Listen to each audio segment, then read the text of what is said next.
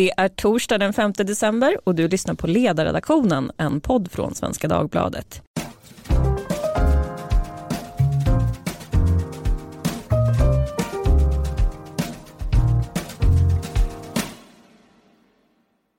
Jag heter Lydia Wåhlsten och idag ska vi prata om det som verkar vara på allas läppar. Ja, jag tänker på valet av ny generaldirektör till Arbetsförmedlingen förstås, som blev klart idag.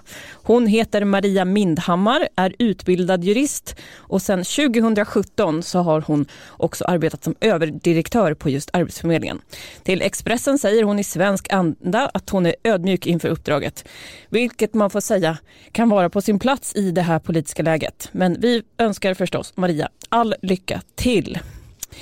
Beskedet kom ju som av en händelse samma dag som Vänsterpartiet skulle fatta beslut om det blir misstroende mot eh, arbetsmarknadsminister Eva Nordmark. Och precis innan vi börjar podda här idag så hör vi att Vänsterpartiet har beslutat sig för att gå vidare men det ska vi inte prata om. Vi ska prata om att Moderaternas partiledare Ulf Kristersson igår hade ett första officiellt möte med Sverigedemokraternas Jimmy Åkesson. Och analyserna de följer ju ett mönster vi känner igen. Det är ju lite days of our lives över det här. Har vi nu ett högerkonservativt block i svensk politik? Är Sverigedemokraterna rumsrena? Har liberaler blivit som socialdemokrater som gör allt för makten? Ulf Kristersson han får se sina historiska uttalanden swisha förbi både här och där. På nyhetsplats i DN intervjuas till och med förintelseöverlevaren Hedi Frid och säger att hon är besviken på Kristersson. Andra de menar att gårdagens möte partiledarna emellan inte förändrar särskilt mycket. Det här är mest en logisk konsekvens av maktförhållandena i riksdagen. Ja, hur ska ni som lyssnar på den här podden egentligen se på det som har hänt? Det ska vi prata om idag och det gör vi med Dick Eriksson, chefredaktör för den socialkonservativa SD-nära tidningen eh, Samtiden. Välkommen! Tackar! Mitt emot mig sitter generalen för den marknadsliberala tankesmedjan Karin Svanborg Sjövall. Välkommen! Tack så mycket. Och med mig har jag också Romina Pourmokhtari, ordförande för Liberala ungdomsförbundet. Ja, hej. Innan vi börjar måste vi ju få en kommentar från panelen då. Hur ser ni på att Vänsterpartiet går vidare med misstroendet? Karin? Jag tror inte på det. Eller jag tror att de tänker gå vidare med det, men jag tror inte att de kommer att verkställa. De har ju sagt nu att de ska lämna över stafettpinnen till Moderaterna, men eh, Sjöstedt var ju också ganska tydlig med att han hoppades och trodde att regeringen nog kommer att vika sig. Och det de ville är ju då att man avskaffar LOVen inom eh, avregleringen av Arbetsförmedlingen. Kommer Centerpartiet att vika sig, Romina? Eh, jag hoppas inte det och jag hoppas inte heller Socialdemokraterna viker sig. Det tycker jag nästan är ännu viktigare. Att nu har vi den här konstellationen och då får de faktiskt se till att försvara den också. Så det ser jag fram emot att se Stefan Löfven stå och försvara våra liberala reformer. Har Vänsterpartiet råd att ta ett sånt här riskspel? Ja, jag, jag, tror det. att de, de, de kör nu och te testar hur, hur, långt de kan driva det hela. Men, men jag är inne på samma linje att i, i sista ögonblicket så, så hittar de någon anledning till att inte rösta ner ministern. Mm. Många trodde kanske att det skulle komma tidigare men nu väljer de då att gå vidare.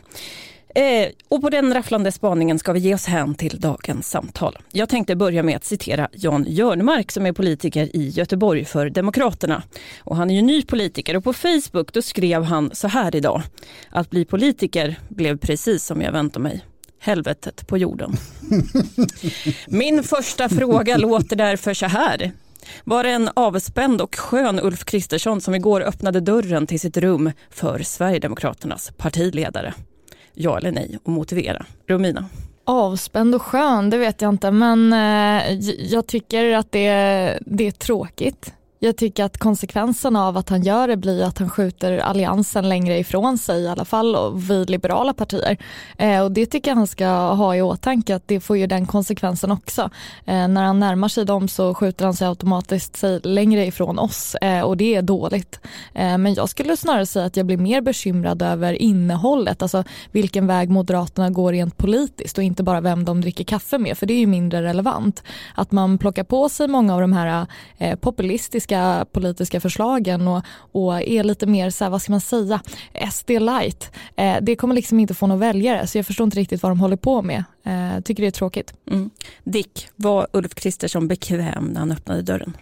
Bekväm vet jag inte men, men han är ju en skicklig politiker och, och politiker måste göra det som är nödvändigt. Och ett, parti som, inte minst som Moderaterna, eh, måste alltid söka regeringsmakten. Alltså annars är partiet meningslöst. Och eh, så som läget ligger, och det är lite lustigt där att Centern och Liberalerna pratar om att Moderaterna flyttar sig från Alliansen. Det är ju beroende på det sätt som Liberalerna och Centern har agerat, det vill säga rösta nej till Ulf Kristersson som statsminister. Alltså ett tydligare eh, eh liksom, eh, Eh, vad ska man säga, käftslag kan man ju inte ge. Så att säga. Så det, det är ju liksom utifrån den verkligheten som eh, Moderaterna måste överväga vad, ja, hur man kan komma framåt och, och bilda eh, majoritet helt enkelt. Mm. Karin?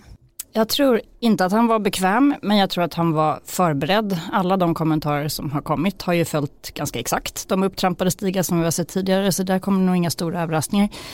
Jag tror inte att han är särskilt oroad för den interna opinionen eftersom det finns liksom väldokumenterade mätningar på att det har funnits ett väldigt starkt tryck på honom att göra just detta. Ehm, däremot så kan jag tycka att det är synd och lite märkligt att man inte har gjort det som jag har tyckt att man borde göra. Eh, om man nu ändå har fattat ett beslut om att man behöver förhandla med vad som eventuellt är Sveriges största parti.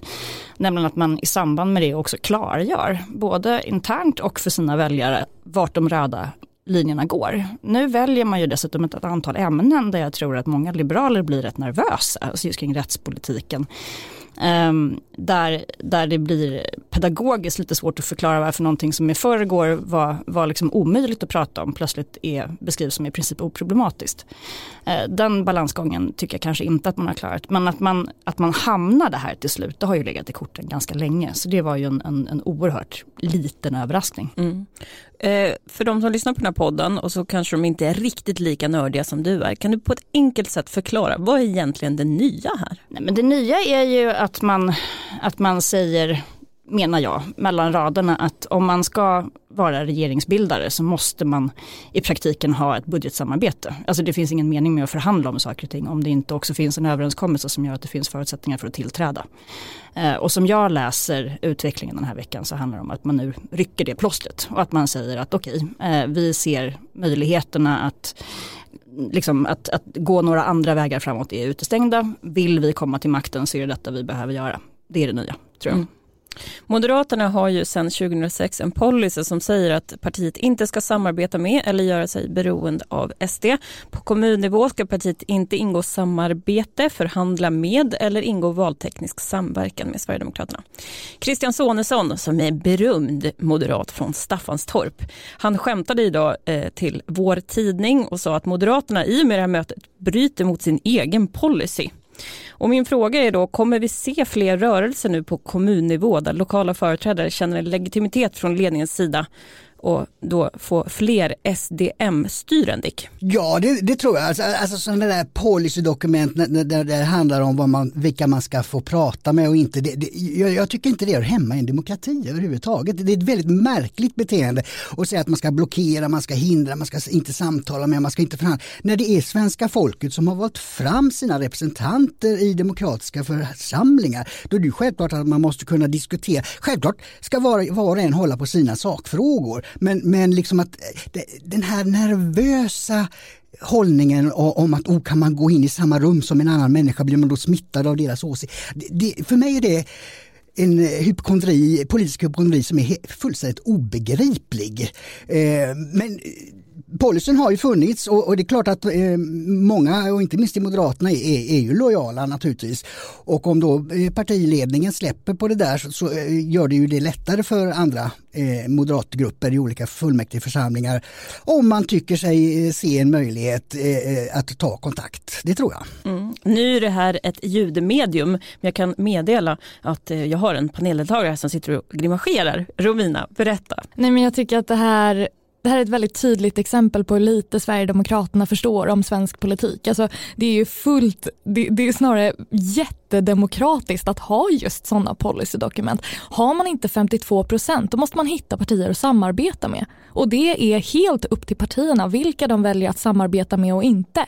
Vill man inte lägga sina väljares mandat på att ge inflytande till ett annat parti, då har man all rätt att göra det. Ja, ja. Och jag Det- tycker det är det jag väldigt. Det nej jag det jag förstår det, men jag, jag tycker att du, du var rätt kritisk till de här policydokumenten och sa att det är, det är liksom eh, jättedåligt att, och det är odemokratiskt att man, Ja, att man har sådana. Ja men absolut, herregud man får ju dricka kaffe med vem man Mm, vill, ja, så är det ju. exakt. Men det är ju inte det det handlar om utan när du dricker kaffe så pratar du om politik och det är därför folk blir upprörda och reagerar och det gör de med all rätt. Och tidigare så hörde vi även hur eh, den här diskussionen om eh, vem det är som har svikit vem här och jag skulle ju säga att det är rätt tydligt att här, alliansen bestod av fyra partier, inte fem. Stoppar man in en, en till kaka i leken då får man ju andra förutsättningar. Eh, det Liberalerna och Centerpartiet har gjort är ju snarare att vara lojala till de liberala värderingar som låg till grund för allianssamarbetet 2006. Eh, och det är ju vi som står fast här, det är de andra som rör på sig, vilket de gott kan få göra om de nu vill det och tror att det kommer att attrahera väljare. Men det gör det ju inte heller. Så jag förstår faktiskt inte var Moderaterna tänker att de är på väg, men eh,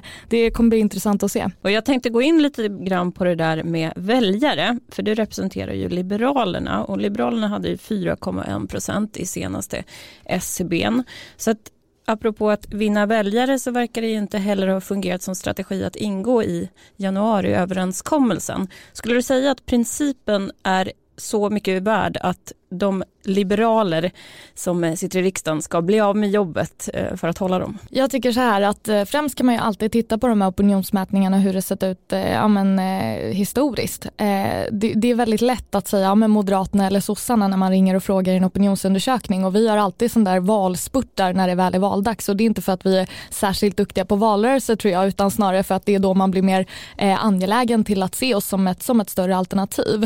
Och 4,1 är såklart ingenting att vara nöjd över men det är heller inte en katastrofsiffra utan vi är över spärren och när vi eh, tog ansvar i den här stökiga regeringssituationen och regeringskrisen så visste vi att det skulle innebära, eh, innebära liksom tuffa siffror för oss för vi hade en splittrad, eh, en splittrad väljarkår helt enkelt. Men i slutändan så tycker jag att det handlar om vad, så här, vi, vi som Liberalerna vi är ju ett principfullt parti. Vi är ju ett parti som alltid hållit fast vid våra principer sen vi skapades och, och skapades ur de här själva principfrågorna. Så att svika det, det, det är liksom inte på kartan för oss och det tycker jag är rätt. Vi är inte ett parti som stångar oss blodiga för att få statsministerposten utan vi vill få genomslag för liberal politik och om Stefan Löfven är villig att ge oss det, ja men då har inte vi några problem med det. Det har ju kommit en hel del mätningar i alla fall som visar lite olika saker och om man är socialdemokrat och lyssnar på det här då kan det vara intressant att veta att valforskningsprogrammet i Göteborg de har en pedagogisk tabell över hur olika partiers väljare ställer sig till Sverigedemokraterna och den gjordes under Europaparlamentet parlamentsvalet.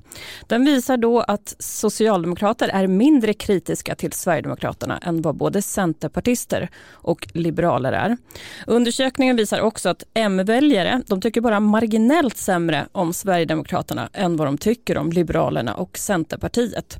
Och då ska man säga att de här undersökningarna har en tid på nacken så att synen inom Moderaterna på Sverigedemokraterna ligger antagligen ungefär eh, på samma nivå som för Centern och Liberalerna. Så att det har ju hänt väldigt mycket i svensk politik.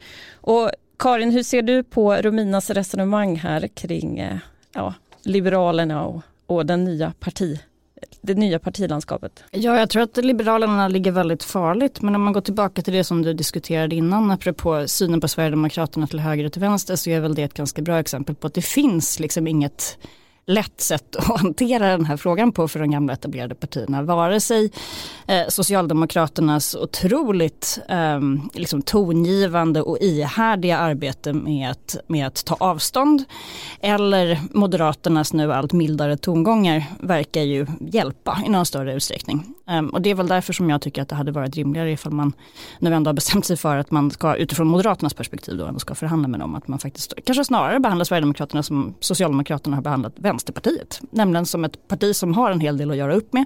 Som man på goda grunder eh, inte riktigt kan behandla som andra partier men som man samtidigt erkänner som en, som en legitim del av Sveriges riksdag. Som man kan förhandla med för att få igenom sitt programförverkligande. Och för, för Liberalernas del så tror jag att det stora problemet handlar just om att det inte det är självklart för en stor del av väljarkåren huruvida man verkligen tycker det eh, som man motiverade januariavtalet med. Nu har man hamnat i ett läge där man inte gör någon nöjd. Man lyckas inte övertyga alla liberaler om att ens motstånd är genuint och man lyckas inte heller övertyga eh, den andra kanten så att säga om att man är pålitliga eh, som ett borgerligt alternativ. Och den spagaten är ju en döds dödsdans som man ägnar sig åt där jag tror att Nyamko Sabuni i praktiken har typ ett år på sig, inte mer, att faktiskt bestämma sig för vart hon hör hemma. En spagat som är en dödsdans, det låter som breakdance. um, det förändrar ju också spelplanen för regeringen ganska mycket. Det går ju att se det som en livlina för Stefan Löfven att han kan fortsätta skrämma då med en högerkonservativ flank och säga att eh, haha, vi fick rätt. Men eh, samtidigt så går ju strömmen från S till SD, framförallt bland LO eh, väljare. Så strategin har ju inte åldrats sådär jätteväl. Dick, hur tror du att partiledarstaben i Socialdemokraterna reagerade igår när de såg den här nyheten? Ja, alltså utspelet från Stefan Löfven pekar ju på full panik. Liksom att man ser ju här att eh, den strategi som de har haft inte har fungerat och eh, det är väldigt svårt att, att, se vad som skulle kunna eh, ändra den i det läget man nu har satt sig. Liksom. Det, det, det, är lite grann det jag tycker är märkligt och det gäller flera partier att man verkar inte ha tänkt efter valet 2018 här då när förhandlades så oerhört mycket så verkar man inte ha tänkt lite grann på vad, vad, vad kommer väljarna att tycka om det här inför valet 2022. För det blir väldigt svårt, eh, nu heter det här att Liberalerna har inte flyttat sig men, men de har ju röstat nej till Ulf Kristersson och släppt fram Stefan Löfven. Och då är frågan nästa val, ska liberaler eh, eh, rösta på Liberalerna och få en, en socialdemokratisk statsminister? Det röstade de inte för förra gången. Och, och eh, likadant socialdemokratiska väljare, de, de, som röstade på Löfven har fått eh, då en annan politik än den Socialdemokraterna står för. Så, så jag tycker att alltihopa här är, är väldigt eh, Eh, det är väldigt mycket taktiserande från de gamla partierna medan jag tycker ju eh, Sverigedemokraternas linje är, är ju den rimliga att utgå från verkligheten, se vad som händer där och lägga förslag på hur, hur man ska eh, ändra det, eh, komma till rätta med det kaos som växer fram. Vi har ju gjort en podd här tidigare tillsammans med Marcus Uvell som länge har tittat på Sverigedemokraterna och hur de skiljer sig ideologiskt från Moderaterna så är ni intresserade av det så gå gärna tillbaka och lyssna på den podden. Eh, Karin, vid sidan av spelteori så finns det ju en ideologiskt intressant diskussion här inom liberala kretsar. Och den rör om Moderaterna har gett upp för mycket för att komma dit de är idag. En som är väldigt kritisk till att M öppnar för samtal är den liberala debattören Mattias Svensson som också har gett ut många böcker på Timbro. På Facebook så har han skrivit ett långt inlägg och jag tänkte citera lite ur det. M är så restriktiva i migrationsfrågor att de till och med vill neka utlänningar även om de jobbar och gör rätt för sig. Moderaterna har alltså inlett samtal kring en politisk strategi som kräver att man hivar principer, sin traditionella politik och vanlig jävla anständighet över bord. Har han en poäng? Ja, jag har ju varit väldigt arg över signalerna kring arbetskraftsinvandringen eh, som jag inte förstår hur man har kunnat backa in i. Det är för mig fullkomligt obegripligt. Jag tycker att det är mindre obegripligt att man i det här läget eh, ingår förhandlingar. Alltså att man bestämmer sig för att man kan förhandla med Sverigedemokraterna som parti tycker jag är mindre konstigt. Eh, just givet att, att de är så otroligt måna om regeringsmakten. Och som sagt var det rent realpolitiskt så finns det inte så många andra sätt att göra det här på. Det finns två saker här som jag tycker är särskilt intressanta. Det ena är ju att mycket av reaktionerna på Moderaterna och deras omflyttning eh, handlar ju om att man också pratar om de gamla moderaterna som om de har varit en och samma sak under liksom 50 års tid och så är det inte. Alltså de gamla moderaterna har varit ganska olika moderater. Tittar man på hur moderaterna var på 90-talet så finns det ingen större skillnad i synen på migrationspolitik exempelvis då mot vad det gör nu. Så det är lite grann beror på vilken tidsperiod som man tittar på. Den andra frågan handlar ju om, om det rent ideologiska innehållet och hur man ska betrakta Sverigedemokraterna kanske snarare än Moderaterna. Ehm, och där för vi en diskussion just nu, eh, bland annat i en artikel i Expressen, en medarbetare till mig som har ställt frågan, men vad står Sverigedemokraterna för egentligen? De har ju ändrat sig på massor med punkter. Eh, är de ett pålitligt borgerligt parti eller inte?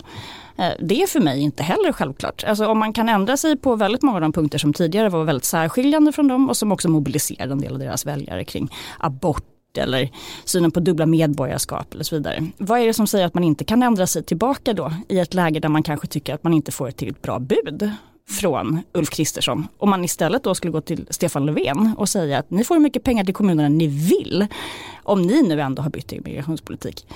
Så jag tycker egentligen att den frågan är den mest intressanta. Vad är det här för typ av, av, parti? Och det är ju rimligt att man börjar föra den diskussionen nu också när man är så stora som man är. Och då kan man inte riktigt göra som jag tycker att Mattias Karlsson gör och säga att men vi är ett pragmatiskt parti, vi behöver inte ha den här diskussionen längre. För att en helt naturlig konsekvens av att man nu är så stora är att man också blir granskad. Men eh, som ja och nej svar då på om Moderaterna har anpassat sig för mycket till Sverigedemokraternas politik är det ett nej jag hör då när du säger att jo men det beror helt på vilket moderat parti man tittar på. Man kan säga att, de är, att det var en anomali här under alliansåren och innan dess så har det faktiskt funnits väldigt starka drag av den här typen av jag menar, jag, hårda jag, tag. Jag är, jag är ju klassiskt liberal. Eh, jag tycker ju personligen att de, har, att de har anpassat sig mycket men det är därför att jag tycker att de för en, en generellt sett för, för konservativ eh, politik. Vad säger ni andra? Nej, men, jag, jag tycker det är återigen väldigt mycket taktiserande här men om man tar arbetskraftsinvandringen som e-, exempel så är, har det ju visat sig då att de som söker asyl och inte får asyl går över i arbetskraftsinvandringsspåret och det är då Sverige har de mest liberala reglerna i världen där att man behöver bara tjäna 13 000 kronor själv och så kan man ta hit eh, sina anhöriga. Och då, då det blir liksom ingen, eh, det håller inte ihop systemet utan att, att då skärpa upp det här och säga det att eh, arbetskraftsinvandring ska vi ha när det gäller specifika eh, Eh, bristyrken och sånt och, och att man där har den öppningen för att det är bra för landet. Alltså den skärpningen, jag kan inte se att den, varför skulle den vara eh, så hemsk liksom? Utan det är en pragmatisk lösning utifrån vad som händer och den erfarenheten man har upplevt. För meningen är väl inte att hela världen ska komma till Sverige som arbetskraftsinvandrare? Liksom. Alltså så här, om, om, om vi hade haft fler som hade kommit hit som arbetskraftsinvandrare så hade inte jag haft några problem med det. Men tycker inte det? De däremot, alla... däremot, däremot, däremot så, så, håller jag ju med om att frågan om anhöriginvandring, den borde man ha löst för, för länge sedan. Men så länge människor kommer hit och och försörjer sig själva så kan jag liksom inte se vad, vad, problemet med detta är. Och jag kan inte heller se varför det skulle vara ett problem ur moderat gör, synvinkel. Man gör ju inte det, men man, man, är, man hamnar ju i väldigt eh, fruktansvärda situationer. Det är väldigt många människor som hamnar väldigt illa till när de kommer på de här väldigt lösa bolinerna. Men då kan man väl se över exempelvis försörjningskraven eller så här, olika tekniska detaljer av arbetskraftsinvandringen. Men exempelvis det du nämner att så här, åh, man får ta hit hur många anhöriga som helst då, och eh, hur ska det gå för dem? Ja men se över försörjningskraven försörjningskraven då? Mm. Eller titta ja, men... på sådana delar. Men det är ju inte det Moderaterna gör. Utan det man istället gör är att man är kritisk till arbetskraftsinvandringen i allmänhet och att man på något sätt släpper hela den här bilden av att om människor kommer hit och försörjer sig själva då bidrar de till vår välfärd och det är bra för vårt samhälle. Herregud, vi har en åldrande mm. befolkning och massa olika situationer som gör att vi hade gynnats av arbetskraftsinvandring om vi inte hade haft socialdemokratiska system som står i vägen för, för ett mer liberalt samhälle där man, där man kan ta emot folk. Så att säga. Nu ska vi, nu ska vi gå vidare mellan principdiskussion och den pragmatiska verkligheten här. Det, där, där finns en konflikt. Och, eh, frågan om det är ett högerparti har vi redan avhandlat i podden och då var svaret nej. Man kan inte analysera Sverigedemokraterna utifrån den här höger-vänster-axeln. Utan det är då ett socialkonservativt parti eh, med nationen som eh, utgångspunkt. Ja. Lyssna gärna på det. Vad skulle du säga är den största sakpolitiska skillnaden mellan Moderaterna och Sverigedemokraterna idag? Ja, det, är, det är utgångspunkten. Det, det, det, är helt rätt att Moderaterna har en annan eh, idétradition. Eh, Sverigedemokraterna har den här konservativa traditionen utifrån ett nationellt perspektiv och att man värnar då eh, välfärdsstaten och välfärden för eh, ja, de många människorna helt enkelt. Alltså det, det, det, det är liksom en... Eh, det är ju ett icke-socialistiskt... Sverigedemokraterna är inte borgerligt har aldrig varit borgerligt och vill inte bli borgerligt utan det, det är ett socialkonservativt som bryr sig om och har sociala värderingar och eh, bryr sig om de många människorna och deras eh, välfärd och trygghet. Så att säga. Det, det, det är ganska brett och då på en konservativ grund. Så att säga. Det, och det där översätts ju ofta i en generell välfärdspolitik som blir väldigt kostsam. Och igår så var PM Nilsson i Studio 1 och pratade om detta och då sa man ja Eh, eftersom att man då bedriver en sån här politik kommer det bli väldigt dyrt. Men man har ju kunnat överleva Kristdemokraterna så eh, det borde gå för Moderaterna att samarbeta då även med Sverigedemokraterna som är ett sånt bidragsparti. Eh, ni har ju levt, gå, eller ni ska jag säga, Sverigedemokraterna har ju levt väldigt gott på utanförskap. 1,7 miljoner väljare har man nu. Drygt var fjärde person röstar på partiet. Jag tänkte fråga Dick, är du en del av etablissemanget nu? Ja, det, är en bra, det, är en bra, det är ju en bra fråga. Nej, men det, det är ju fortfarande väldigt mycket, eh, vad ska man säga, eh, aversioner på ett känslomässigt irrationellt, eh, helt obegripligt sätt. Inte minst i Stockholm där de stora etablissemangen finns. Så att eh, jag har eh, inte upptäckt det i alla fall. Nej, men är det en volymfråga? Kommer du att bli etablissemang här vid någon punkt? Om det blir eh, regeringsmedverkan och, och, eller regeringssamarbete och så, då börjar ju partiet att eh, komma in i en annan roll. Ja. ja. Karin, när, när blir man etablissemang? Ja, det blir man ju när man axlar ansvar. Eh, får man väl säga. Och där är man ju redan på vissa håll, eh, rent lokalt, är man ju verkligen etablissemang. Där är man ju makten med stort M. På riksplanet är man inte det. Eh, det kanske man blir längre fram, vem vet. Ehm, men tittar man på andra rörelser runt om i Europa så, så har man ju eh, reagerat lite olika på att axla just det ansvaret. Och ibland så har man ganska enkelt blivit en del av etablissemanget och man har antagit alla de här maktattributen som man kan se även bland de etablerade partierna. Och i andra fall så har det gått käpprätt åt helvete därför att man inte haft kompetensen, man har inte haft politiken, eh, man har inte haft konsekvenstänket. Mm. Och då har det straffat sig. Omvänt då Romina, kan man säga att Liberalerna är ett antietablissemangsparti då vid en viss eh, väljarnivå? För att man har så få väljare menar du då? Ja, kanske. Alltså, vi är ju rätt principfasta och ideologer och vi är ju det enda partiet inom svensk politik som inte kommer ur ett särintresse utan faktiskt är grundat ur ideologi och politiska idéer. Så jag skulle säga att vi är rätt anti-etablissemanget och rätt unika i vårt slag. Sista frågan för idag är vad hoppas ni att Moderaterna riktar in sig på nu? Ja, jag hoppas ju att de tar den där diskussionen som jag efterlyst. Eh, att de börjar med att ställa sig själva just frågan vad det är som skiljer oss åt och vart de hårda gränserna går om man ska ingå en sån här förhandling.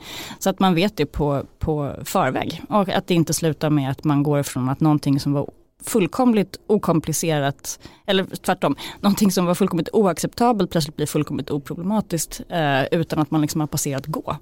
Det tror jag vore väldigt farligt. Mm. Dick? Ja, alltså, Moderaterna har ju varit det stora globaliseringspartiet och med Reinfeldts regering då öppna upp för det här som nu är med, med väldigt många eh, falska och dubbla identiteter och så vidare. Det var en del i globalisering att man skulle öppna upp Sverige för, för världen så att säga och det tackade många kriminella ja till. Alltså den oproblematiska synen på globaliseringen och Moderaterna behöver inte ändra värderingar men säga att den här globaliseringen den har också negativa sidor. Och de måste man hantera på något sätt i den verklighet som vi lever. Då tror jag att eh, man eh, kommer att finna att det, det finns väldigt stora eh, samstämmigheter i de lösningar man vill ha framöver. Mm. Romina Ulf Kristersson bjuder in dig på kalas på sitt kontor. Vad säger du för någonting på 30 sekunder? Jag säger snälla börja ta ansvar igen. Snälla kom ihåg att ditt parti tror på människor och inte på system. Eh, och jag skulle också be honom ta en titt över den eh, principfasta grunden man ändå har haft i att eh, ja, men, eh, som politiker så skapar man system för den verklighet man står inför och jorden är gjord för alla människor att leva på. Men eh, det verkar vara en lång väg dit. Och vi kan väl eh, gå tillbaka då till där vi började med Jan Jörnmark som sa att bli politiker det blev precis som jag väntade mig, helvetet på jorden. Jag säger stort tack till Dick Eriksson, Karin Svanborg Sjövall och Rovina Pourmokhtari. Och ni hör av er som vanligt på ledarsidanet svd.se. Tack för idag.